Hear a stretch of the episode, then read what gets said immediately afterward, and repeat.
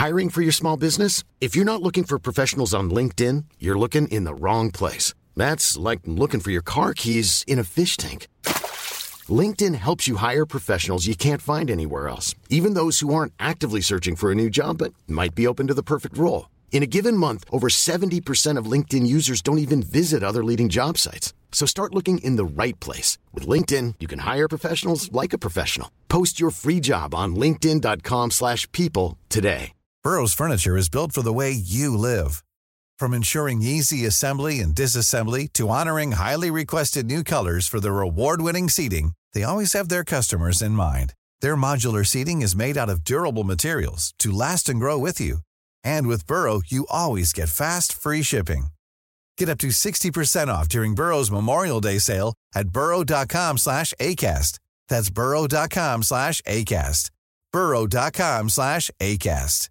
Mom deserves the best, and there's no better place to shop for Mother's Day than Whole Foods Market. They're your destination for unbeatable savings, from premium gifts to show-stopping flowers and irresistible desserts. Start by saving 33% with Prime on all body care and candles. Then get a 15-stem bunch of tulips for just $9.99 each with Prime. Round out Mom's menu with festive rosé, irresistible berry chantilly cake, and more special treats. Come celebrate Mother's Day at Whole Foods Market. Kryptovaluta och samhällsförändring. Hur spännande låter inte de två orden? Idag ska vi gå till botten med bitcoin med en entreprenör som använder trading för att hjälpa andra. Välkommen till Smarta Cash, podden som peppar till en bättre ekonomi och en rikare framtid med mig Isabella Amadi.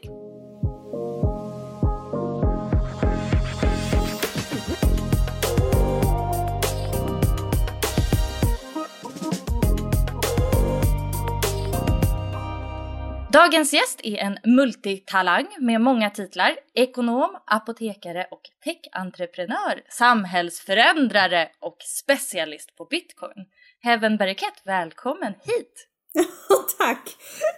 Det är superkul att få vara här. Jag skulle inte kalla mig för specialist på bitcoin, då tror jag de andra entusiasterna eh, kommer eh, snacka så här, halshugga mig. Men definitivt en kryptoentusiast. Så glad att ha dig här, specialist eller entusiast, det spelar ingen roll. Du är i alla fall väldigt bra på det och det är det som räknas. Du har ju också startat Bambino Foundation som erbjuder gratis sjukvård och utbildning till barn och unga i flera afrikanska länder. Eh, och det här finansierar du med hjälp av en trading och kryptokurs vad jag förstår det som. Kan inte du berätta lite om vad det är du gör och vad du jobbar med? Ja, Eh, det kan jag absolut göra. Men när jag startade Bambino Foundation så, eh, så många som har varit med i sina organisationer vet om att det är ett otroligt jobb om man ska söka efter typ av stipendier eller andra typer av grants. Um, och, eller bara försöka få folk att engagera sig och donera. Också ett jättestort jobb, gör som att nästan att man glömmer bort själva eh, orsaken till att man startar det här. Så då började jag ganska tidigt intressera mig kring, så, okay, hur, jag måste få in pengar på ett mer hållbart sätt. Där jag liksom kan känna att inte det är liksom beroende på om folk är engagerade nog eller inte. Och i samma veva eh, så jobbade jag som telefonförsäljare. Eh, jag hörde om kryptovalutan bitcoin. Eh, det var, då var de här miners, det tyckte jag var alldeles för komplicerat och tänkte okej, okay, det var inte någonting jag ville göra. Och så berättade då en av de killarna eh, att man också kan trada. Och det är meningen som fick mig att bli som totalt intresserad och djupdyka och läsa allt om det. Det var att han sa att man kunde tjäna pengar både om det gick upp eller gick ner. Och det här ändrade liksom min uppfattning av vad faktiskt pengar är eh, och vad värde är. Ofta så tänker jag mig att någonting måste ju gå upp för att liksom man ska tjäna pengar. Eh, men i, när man handlar så handlar man ju liksom, när både vanliga valutor och även kryptovalutor så bettar man ju egentligen på priskursen. På om priskursen kommer gå ner eller kommer gå upp. Och där var det och då utbildade jag mig själv eh, var med andra som handlar på aktier och optioner, bara lärde mig alla tips och tricks som de hade. Eh, och sen började med att även lära ut andra. Så att så har vi gjort och så att vi har en utbildning kring hur man tradar. Och där då med de, de pengarna som de betalar för att kunna lära sig att trada själva stöttar då automatiskt även Babino Foundation. Så att vi liksom är helt oberoende av donationer, även om vi accepterar dem, men det är liksom inte det mest avgörande för att, för att vi ska kunna fortfarande göra vårt jobb. Okej, okay, så du, du lärde dig alltså att trada för att du ville att pengarna skulle gå till att hjälpa andra, typ? Ja, för jag tänkte att det kändes som ett mer hållbart sätt att jag tradade, se till att få in mer kapital som jag kunde donera själv, än att jag skulle försöka övertala andra att liksom bry sig om det jag brydde mig om för att sen eh, donera sina pengar för det. Okej, men låt oss titta lite närmare på det här med krypto och bitcoin. Vi kan väl köra typ som A-kursen här i bitcoin. Mm. Eh, först och främst, alltså bara orden kryptovaluta och blockchain, det är ju något man hör slängas med väldigt mycket. Vad innebär de här två orden? Ja, jättebra fråga. Eh, för det är många som tänker liksom att allting med kryptovaluta eh, har med blockchain att göra, men det är en ytterst liten del. Så man har liksom, om vi ska köra lite så här, eh, vad ska man säga, kryptovaluta 101. Den absolut vanligaste kända, som folk har också hört och kommit i folkmun, är ju bitcoin. Men det finns också över 3000 andra coins som också är den här digitala virtuella valutan. Och den valutan är uppbyggd på en teknik då som kallas blockchain. Och blockchain-teknik, vi kan liksom, liksom jämföra det med andra typer av tekniker som vi använder för att bygga upp andra system, mjukvaror, appar, program som vi använder också i daglig bruk. Eh, så kryptovaluta är liksom bara den digitala valutan. Sen finns det mycket andra, som jag när jag föreläser så pratar jag oftast väldigt mycket om hur blockchain-tekniken används i andra sammanhang också. Och inte bara i blockchain, alltså i kryptovaluta formatet utan även i hur man bygger upp mjukvaror och hur man försöker öka inkludering, hur man i ID-sammanhang, EU har ju ett jättestort projekt där de nu kollar på hur de ska kunna ge oss alla i Europa ett och typ av samma personnummer byggt på blockchain-tekniken. Vilket är för att de inte vet att man ska kunna manipulera sin egen identitet. På gott och ont. Men det är en annan diskussion. Men lite så att, att det är så mycket mer där bakom eh, än bara kryptovaluta. Men det var där det började och det där som fick den här tekniken att få ett språng egentligen. För tekniken har funnits där innan men man hittar inte riktigt en användning för det då. Men blockchain, det, det, eh, det som den tekniken gör då, det är att det är eh, en väldigt hög säkerhet på att man inte kan förfalska kryptovalutan eller den andra informationen i de andra fallen, eller? Ja, precis. För att om vi kollar idag så har vi liksom någonting som vi kallar för en centraliserad form inom finansvärlden, om vi kollar bara på finansvärlden. Och även information så är det oftast liksom typ som en station om vi säger så, som innefattar all information som ansvarar för det och delar ut. Medan i blockchain-tekniken så handlar det om att gemene man i det här informationsflödet är en del av ägandeskapet. Och så pratar om det här med säkerhet som du nämnde. Det är också lite såhär, ja, vi, det, det som man ser nu, absolut, det är ganska hög säkerhet på det, men det kan också bli att det blir hackat. Det har vi också sett. Men det är ofta som man kanske blandar den tekniken med någon annan typ av teknik. Um, så att det är inte så här, åh, oh, vi kan säga till 100% att det är den mest hög säkerhet som finns idag. Men däremot, det man kan säga idag om blockchain, det är att den inkluderar betydligt många fler människor i att kunna skapa en helt annan möjlighet för sig själv än vad de systemen vi har idag. Så om vi kollar till exempel inom finans, om vi kollar bankvärlden, hur man hanterar vanliga valutor, som vi kallar för fiat, så är det oftast banker som bestämmer om du är enough på något sätt för att faktiskt kunna öppna ett bankkonto. Idag vet vi ju att det är miljarder människor som, har, som inte har eh, ett bankkonto. Det, det, vet vi idag och även de som, så finns det i andra länder, vi tar folk i Indien eller om man tar i Kenya, som till och med har fått tillgång till ett bankkonto, men inte kan handla online eller använda kortet utanför den, de gränserna. Eh, Medan om du och jag skulle åka till Indien så loggar vi in på internetbanken och bara plupp, den ska gälla i Indien från det här datumet till det här datumet. Eh, så och då när jag har kommit till sådana här diskussioner kring, så här, i alla fall i västvärlden, typ så här, men den här tekniken är inte här för att stanna eller och sådär. Så då, då vill jag nästan skratta för att det alltså drivkraften av en människa, ju mer uppkopplade världen blir och så ser man att helt plötsligt kan jag handla online. Helt plötsligt har jag helt andra förutsättningar och möjligheter, precis som du och jag ser. Får de via blockchain-tekniken än vad vi har, för de får ju inte ens ett bankkonto idag. Så det, jag tycker det ska bli jättespännande att se vad som händer om 20 år. Uh, så gilla inte eller inte gilla det, det kommer liksom ske. Lite grann som att man inte gillar att smartphone kom 2009 och att man, du vet, det kommer komma. mer och mer. Men om vi backar bandet lite då och tar det från början. Alltså vad är egentligen bitcoin då? Alltså vad är det? Ja, egentligen är det, det är inte... siffror, eller? Ja, precis. Egentligen är det inte så mycket mer än, än datasiffror eller datapunkter. Eh, man kallar det för hash, som är liksom en datasekvens, skulle jag nog nästan kalla det för. Men det är en helt och hållet en digital virtuell valuta. Eh, och, det är så här, och det är också många som blir stressade över det och tänker så här, men jag vill, måste ju känna att det är någon fysisk pengar bakom det. Om man pratar och jämför jättegärna kanske med svenska kronan eller amerikanska dollarn. För att man tänker att där kan jag ändå ta ut någonting av värde i pappersform. Eh, men det är många missar det också att det är inte så uppbackat av guld som det var tidigare. Så bara du och jag kan ju swisha varandra massa datapunkter och helt plötsligt har du tusen kronor som jag skickar till dig. Men skulle vi alla ta ut alla våra pengar samtidigt så skulle det inte finnas enough för oss.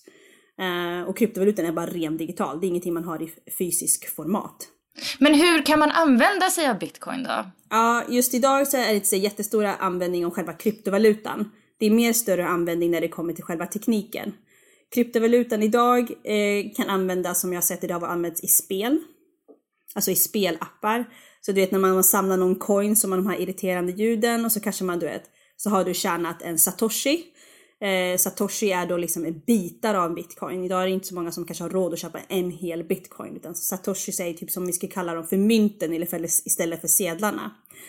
Um, så att själva kryptovalutan idag har inte egentligen större verkan om man jämför om man ska köpa produkter eller tjänster.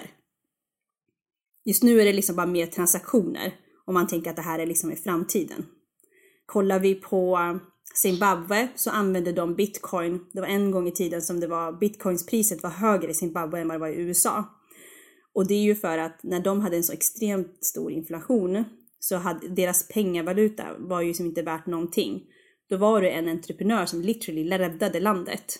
Du kunde liksom inte köpa en, en limpa, en brödlimpa, utan han byggde upp en exchange, exchange så att man kunde få in de gamla och få ut bitcoin. Så att man till slut kunde handla med, gränsländ med gränsländerna och faktiskt få mat. Eh, de heter Golix, så de är ju de första som har använt det i, de, i sån stor eh, massa. Liksom en hel nation gick in för att man ska kunna handla bara vanliga varor. Oj, vad spännande. Eh, men vissa är ju kritiska och menar ju att man använder bitcoin i kriminella syften. Alltså online då, typ handla droger eller andra olagliga saker. Vad, vad är din take på det? Ja, absolut. Det skulle inte förvåna mig. Helt enkelt. Eh, och jag är inte förvånad över själva kritiken heller. Um, men samtidigt blir jag såhär, det är ju som att säga att inte folk använder svenska kronan för att göra kriminella handlingar. Alltså det är lite såhär, eh, ja, hitta någon annat argument som varför det här inte skulle fortsätta växa. Eh, men man använder även andra typer av valutor idag för att göra kriminella handlingar. Eh, så jag tror inte det här med att stoppa bitcoin, eh, stoppa blockchain så blir det mindre kriminella handlingar. Nej. Det är nog mer att man är rädd för att man har inte den kunskapen till att hur kan vi som institutioner, alltså tänker jag polis och andra myndigheter, kan ändå ha koll på att söka det. Att... Men på senaste tiden har man ju pratat jättemycket om bitcoin just eftersom att den har ökat i så mycket i värde och nu är den uppe när vi spelar in det här i över 30 000 men den har ju också varit uppe där vid eh, 40 000 dollar för en bitcoin. Alltså hur högt kan, hur högt kan den gå? Det kan nog gå hur högt som eh, liksom möjligt. Det kan jag nog inte spekulera i. Eh, och jag som ändå varit med i de här svängarna ganska länge, det är alltid så att eh, det kommer komma och snart kommer det säkert komma en dipp och då kommer vi få höra folk som var kritiska som säga vi sa ju det, jag sa ju det, jag sa ju det.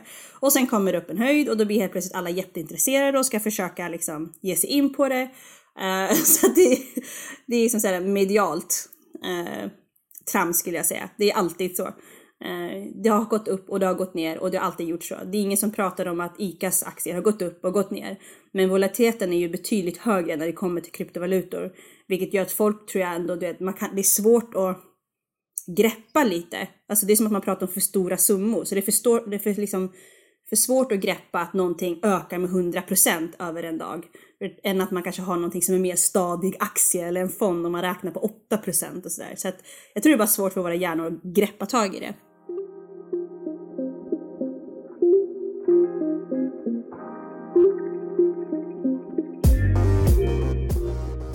Sen vi spelade in det här avsnittet har bitcoin ökat ännu mer i värde och varit uppe i över 50 000 dollar. Och Tesla har investerat miljardbelopp i valutan. Det händer alltså mycket just nu, men det är ändå väldigt riskabelt att investera i bitcoin och man kan förlora sina pengar.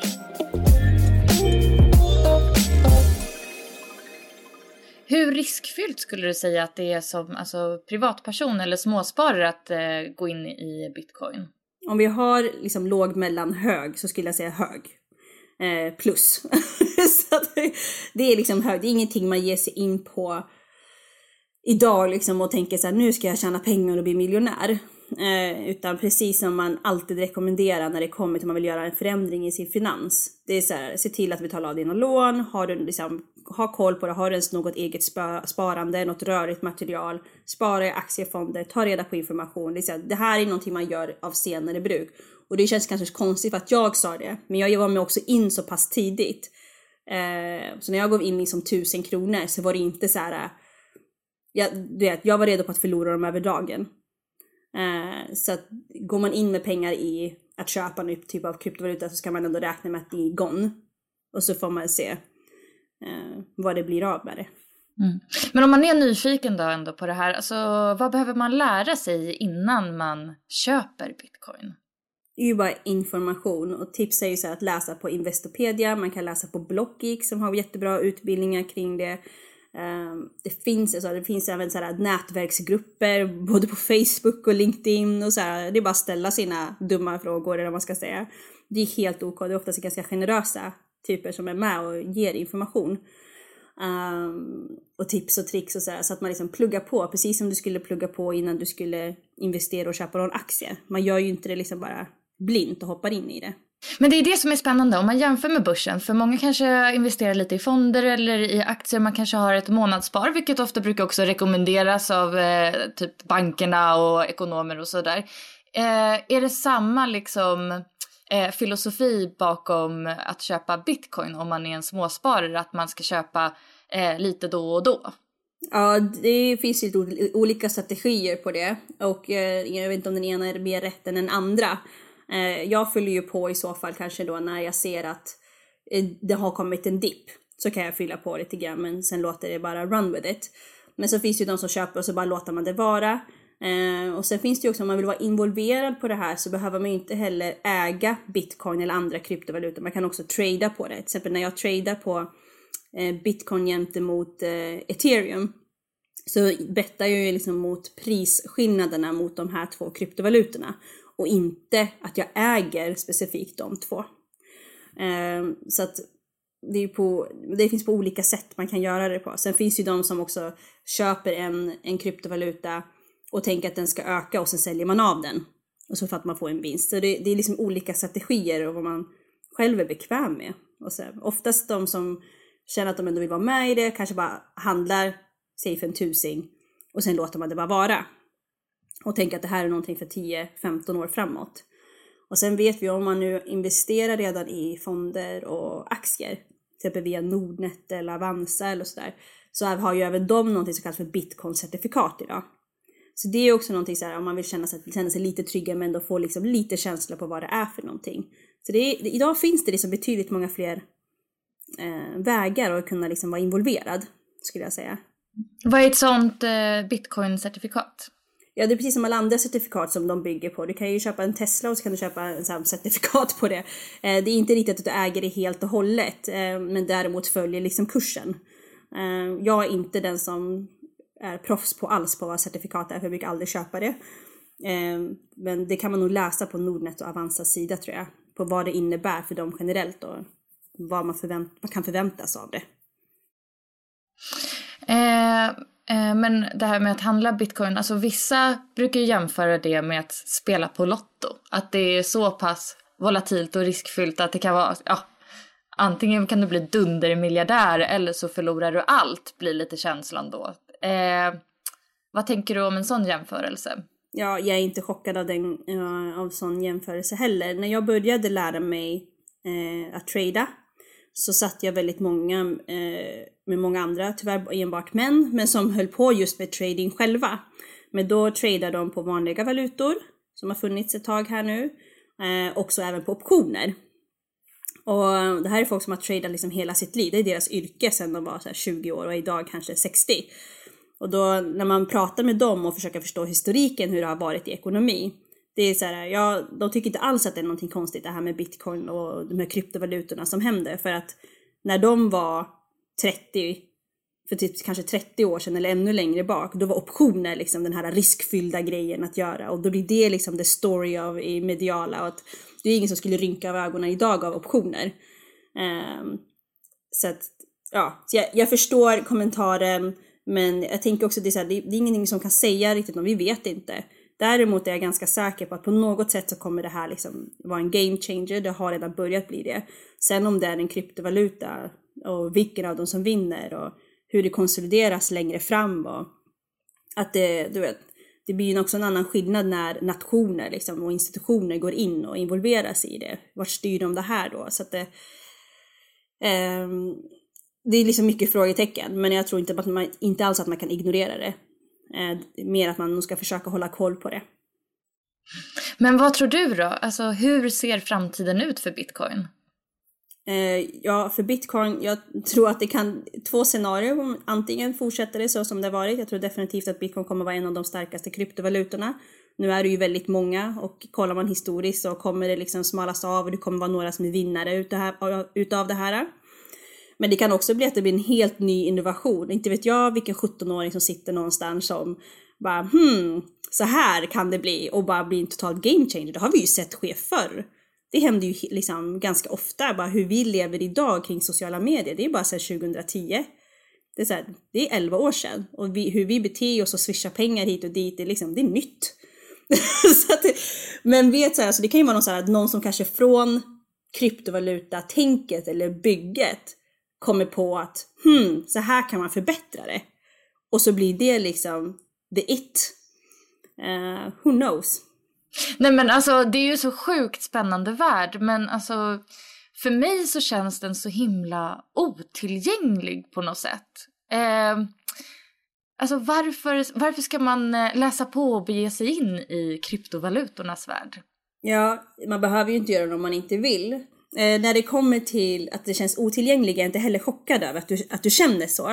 Eh, för att jag tror jag pratade om det i något annat format också, det är att vi är lite fat and happy här i Sverige, eller om man kollar generellt i Norden. Vi vet vilka system vi har, vi litar väldigt högt på de systemen. Så allting som hotar det och inte är inkluderat i det känns ju väldigt otillgängligt långt bort. Eh, jag kan fråga folk idag till exempel, ja, men vilket land är närmast att åka till, Thailand eller Kenya? Och folk liksom kommer svara Thailand, men inte Kenya. Och inte för att liksom de inte fattar geografiskt, utan för att det är en känsla i att det känns närmare för att det är den informationen man har blivit matad av, att man vet liksom. Fast det är liksom typ, det är dubbla restider till Thailand än till Kenya. Men det, det förstår liksom inte känslan med hjärnan riktigt. Och så tror jag det är även med bitcoin att Eftersom folk skriker här och där ajabaja och det är farligt och du vet, tänk på att det är hög risk och du vet så här, och absolut det är det. Men kollar man då på andra länder, om jag åker till Zimbabwe som inte har så många andra alternativ, du har tillgång till banksystemet, har den här höga tillgängligheten eller tilltron. Då är det så här, ah, okej, okay, ser du att jag kan liksom börja göra någonting annat och få högre möjligheter? Självklart, då blir man en helt annan, det blir en helt annat risktänk. Um, så jag tror det är liksom, jag fattar att det känns otillgängligt, men det är inte otillgängligt. Det är verkligen extremt enkelt idag att köpa sin, en del av en bitcoin. Eh, nästan där läskigt enkelt. Eh, men i liksom känslan i vad som produceras medialt så är det ju liksom ajabaja, var försiktig liksom. Och då såklart man känner sig, ah okej, okay, det är inte riktigt godkänt av banken här idag, så kanske inte. Um, så jag tror att, att Nordnet och Avanza nu börjar sälja certifikat av bitcoin känns ju som att det, jag tycker så här, man ser vad som händer, det börjar liksom accepteras mer och mer, så det går inte att ignorera det. Uh, sen vad man vill göra med den informationen, det blir upp till en, till en själv. Just det, men då kan man köpa till exempel sådana certifikat. Men om man vill köpa på riktigt då? Eh, hur går man tillväga då? Det finns några svenska sidor som jag tror man kan använda BankID. Jag är inte säker, jag har inte köpt via dem. Eh, som heter Trio och sen har du ju, jag tror den är svenskt ägd Kraken, men du har också Binance och Coinbase som är liksom de största plattformarna. Um, så det finns ju lite att välja mellan. Det är inte svårare än att här är mitt liksom, bankkort och så köper man och så har man liksom en crypto wallet. Men då så finns det också ett sätt hur man ska spara och lagra den här informationen. Så det måste man ha koll på. För det är alldeles för många som har förlorat bara för att de inte har koll på sina lösenord. Just det, det har man ju läst. Åh nej, han är bitcoin-miljardär men har glömt äh, lösenordet. Det är ju surt ja, ja, men precis. Men det finns också på Blockix jättetydligt så här, tänk på det här, så här, det här alternativen som finns. Eh, vilka är dina råd till en, eh, en privatperson som skulle vilja köpa bitcoin? Oj, som vill köpa bitcoin. Men det är absolut plugga på. Ni får gärna kontakta mig så kan jag liksom hänvisa till artiklar och sådär. Um, och, men först och framförallt, är så här, har du ditt andra ekonomiska tillstånd liksom? Hälsocheck på ens finansiella, hur ser det ut? Um, innan man säger att det här är det första jag ska göra. Vilket jag tror också blir risken när media publicerar såhär, oj nu har det gått upp 300% och så tänker man att jag måste ge mig in i det. Eh, för så har jag också att tyvärr sett många förlora sina pengar också på.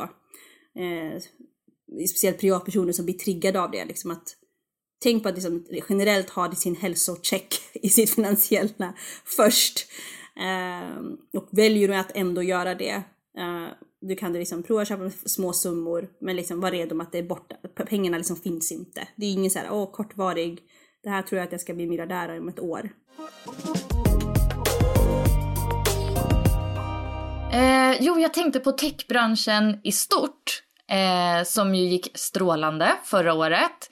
Eh, I vilken riktning är techvärlden på väg nu? Oj, det var en stor fråga. Uh, Visst! Ja, det var så här. Ja, det kan nog liksom kliva det typ 70-11 eh, i nivåer. Eh, vi ser också många techbranscher som har slopats under de här åren som har varit under 2020 under 2021. Med de techbolagen som har av ren värde till det vi behöver idag. Vi kan bara kolla på till exempel att vi vill kunna handla mat online eller sådana saker. Eh, eller vi vill kunna transportera oss på olika sätt. Eller säkerhet har varit en jättestor grej, för det tänker folk mer på nu. Eh, de vinner ju i pandemin. Sen finns det ju kanske så här ölappen som var en rolig grej, kanske inte överlevde. Eh, så att det är också så att den här har sållat bort, alltså quotation, onödiga tech startupsbolag. Och samtidigt så har liksom frågan liksom lyfts upp när det kommer liksom till hållbarhet och faktiskt mervärde till människan. Um, så där kommer jag tror att vi kommer se liksom teknologi bli extremt stor involverad samtidigt bara kolla på skolan. Är ju till så här att helt plötsligt har vi hela Sverige som har liksom, vi har studenter som pluggar hemifrån. Vad innebär det? Um, mental health och wellness överlag har kommit liksom, har höjt frågan. Så sånt som ger mer värde och hållbart för att kunna överleva en pandemi och de här förändringarna. De techbolagen vinner. Eh, och de lite quotation onödiga, som kanske var mer lite lyxkänsla, de överlever inte riktigt. Mm. Eh, har du, finns det några bolag du tänker på specifikt, alltså som är börsnoterade, som är alltså, extra spännande nu, som man kan spana in? Oh, ja. Eh, jag tycker ju självklart eh, allting som är, just nu så här, jag har innehav liksom i, så här, i Tesla och elbolag Nio eh, och jag har funderat, nu fick jag liksom läst en rapport här att förra året i Sverige bara, så var tredje bil som såldes i Sverige var en elbil. Vilket jag tycker så här, det är ju ganska mycket. Eh, och där har jag tänkt på liksom mycket så här, okej, okay, vad kan vara intressant här nu? För då tänker jag så här, men hur ska liksom konstruktionen och liksom gatorna se ut med så här, har vi tillräckligt med elstolpar som kommer kunna ladda alla de här nya bilarna? Så mycket, nu har jag börjat kika runt lite kring, ja, men vilka bygger den här eh, allting som behövs runt omkring för att driva en elbil? Uh, och Virgin Galactic har jag också kollat jättemycket på som har gått jättebra nu den här första månaden. Um, ja, så det är lite så här i space, space, framtid, Eh, i just hållbar Beyond Meat. Köpte jag här vid årsskiftet. Så just det här växtbaserat. Jag tror att folk vill ha det här mer hållbara, kommer jag, tror jag kommer växa mer och mer. Och vad tror, du, vad tror du om börsen då som eh, ändå återhämtade sig så snabbt förra året, gick bra, det var många som också kunde liksom, ja, få ganska bra avkastning som lyckades kanske tajma där och köpa i, i mars, april och sen så har det bara tuggat upp. Eh, vad tror du? Tror du på fortsatt uppgång eller bakslag 2021? Ja, det är svårt att säga, men jag är inte alls förvånad över att det återhämtade sig. Uh, alltså det, det, det är en klassiker. Det blir någonting, det blir en finanskris, det blir någonting, alltså vi har som, om man bara kollar historiskt, jag brukar säga alltså det är värt att plugga ekonomihistoria. För kollar vi historiskt så ser vi att det oftast återhämtar sig och så kan man förstå liksom varför det har gjort det. Eh, och det är alltid den här klassiken att vi får panik, säljer av allting. Istället för att liksom bara hålla hårt, för det är ändå ett sparande vi kanske hade tänkt för tio år. Men vi man, man liksom reagerar med känslor. Uh, och de som höll isen och liksom där, så och höll hårt på att men det är lugnt, det som händer händer. Har då ändå liksom återhämtat sig ganska bra. Att man köper vid dippar, en klassisk strategi. Uh, är man förberedd och har ett sparkapital så är det oftast då man ska komma in. Det är inte att man då man ska dra sig ur. Uh, det, det, det, är så, det är så här klassisk manöver som händer åter och åter igen i ekonomiska historier. Senast vi hade det var liksom finanskrisen 2008, folk fick panik, den återhämtade sig och nu är vi här 2021 igen. Det är det så att vi har, ibland tror jag att vi har svårt att tänka långsiktigt, så reagerar man känslomässigt. Um, men ekonomisk historia, det här händer. Det är så här, det, det är alltid så. Vem vet, kanske om fem sju år är vi en till sån här megadipp, who knows. Uh, och då ska man liksom vara redo att kunna egentligen köpa in sig på de här dipparna. Med den klokskapen så rundar vi av det här avsnittet. Tusen tack Heaven för att du kom och var med här i podden. Stort tack för att jag fick vara med. Eh, och om man vill hålla koll på dig och kanske följa dig i sociala medier eh, eller liknande, vart eh, gör man det då? Eh, lättast är nog LinkedIn eller då är det bara att söka på mitt namn. Eller på Instagram, där har jag liksom länkar och svarar liksom ganska frekvent och det är In Tune with Heaven. Grymt! Och den här podden finns också på Insta som Smarta Cash Podcast och jag själv på Twitter, jag heter Isabella Amadi. Dela gärna det här avsnittet och stort tack till dig som har lyssnat. Hej då!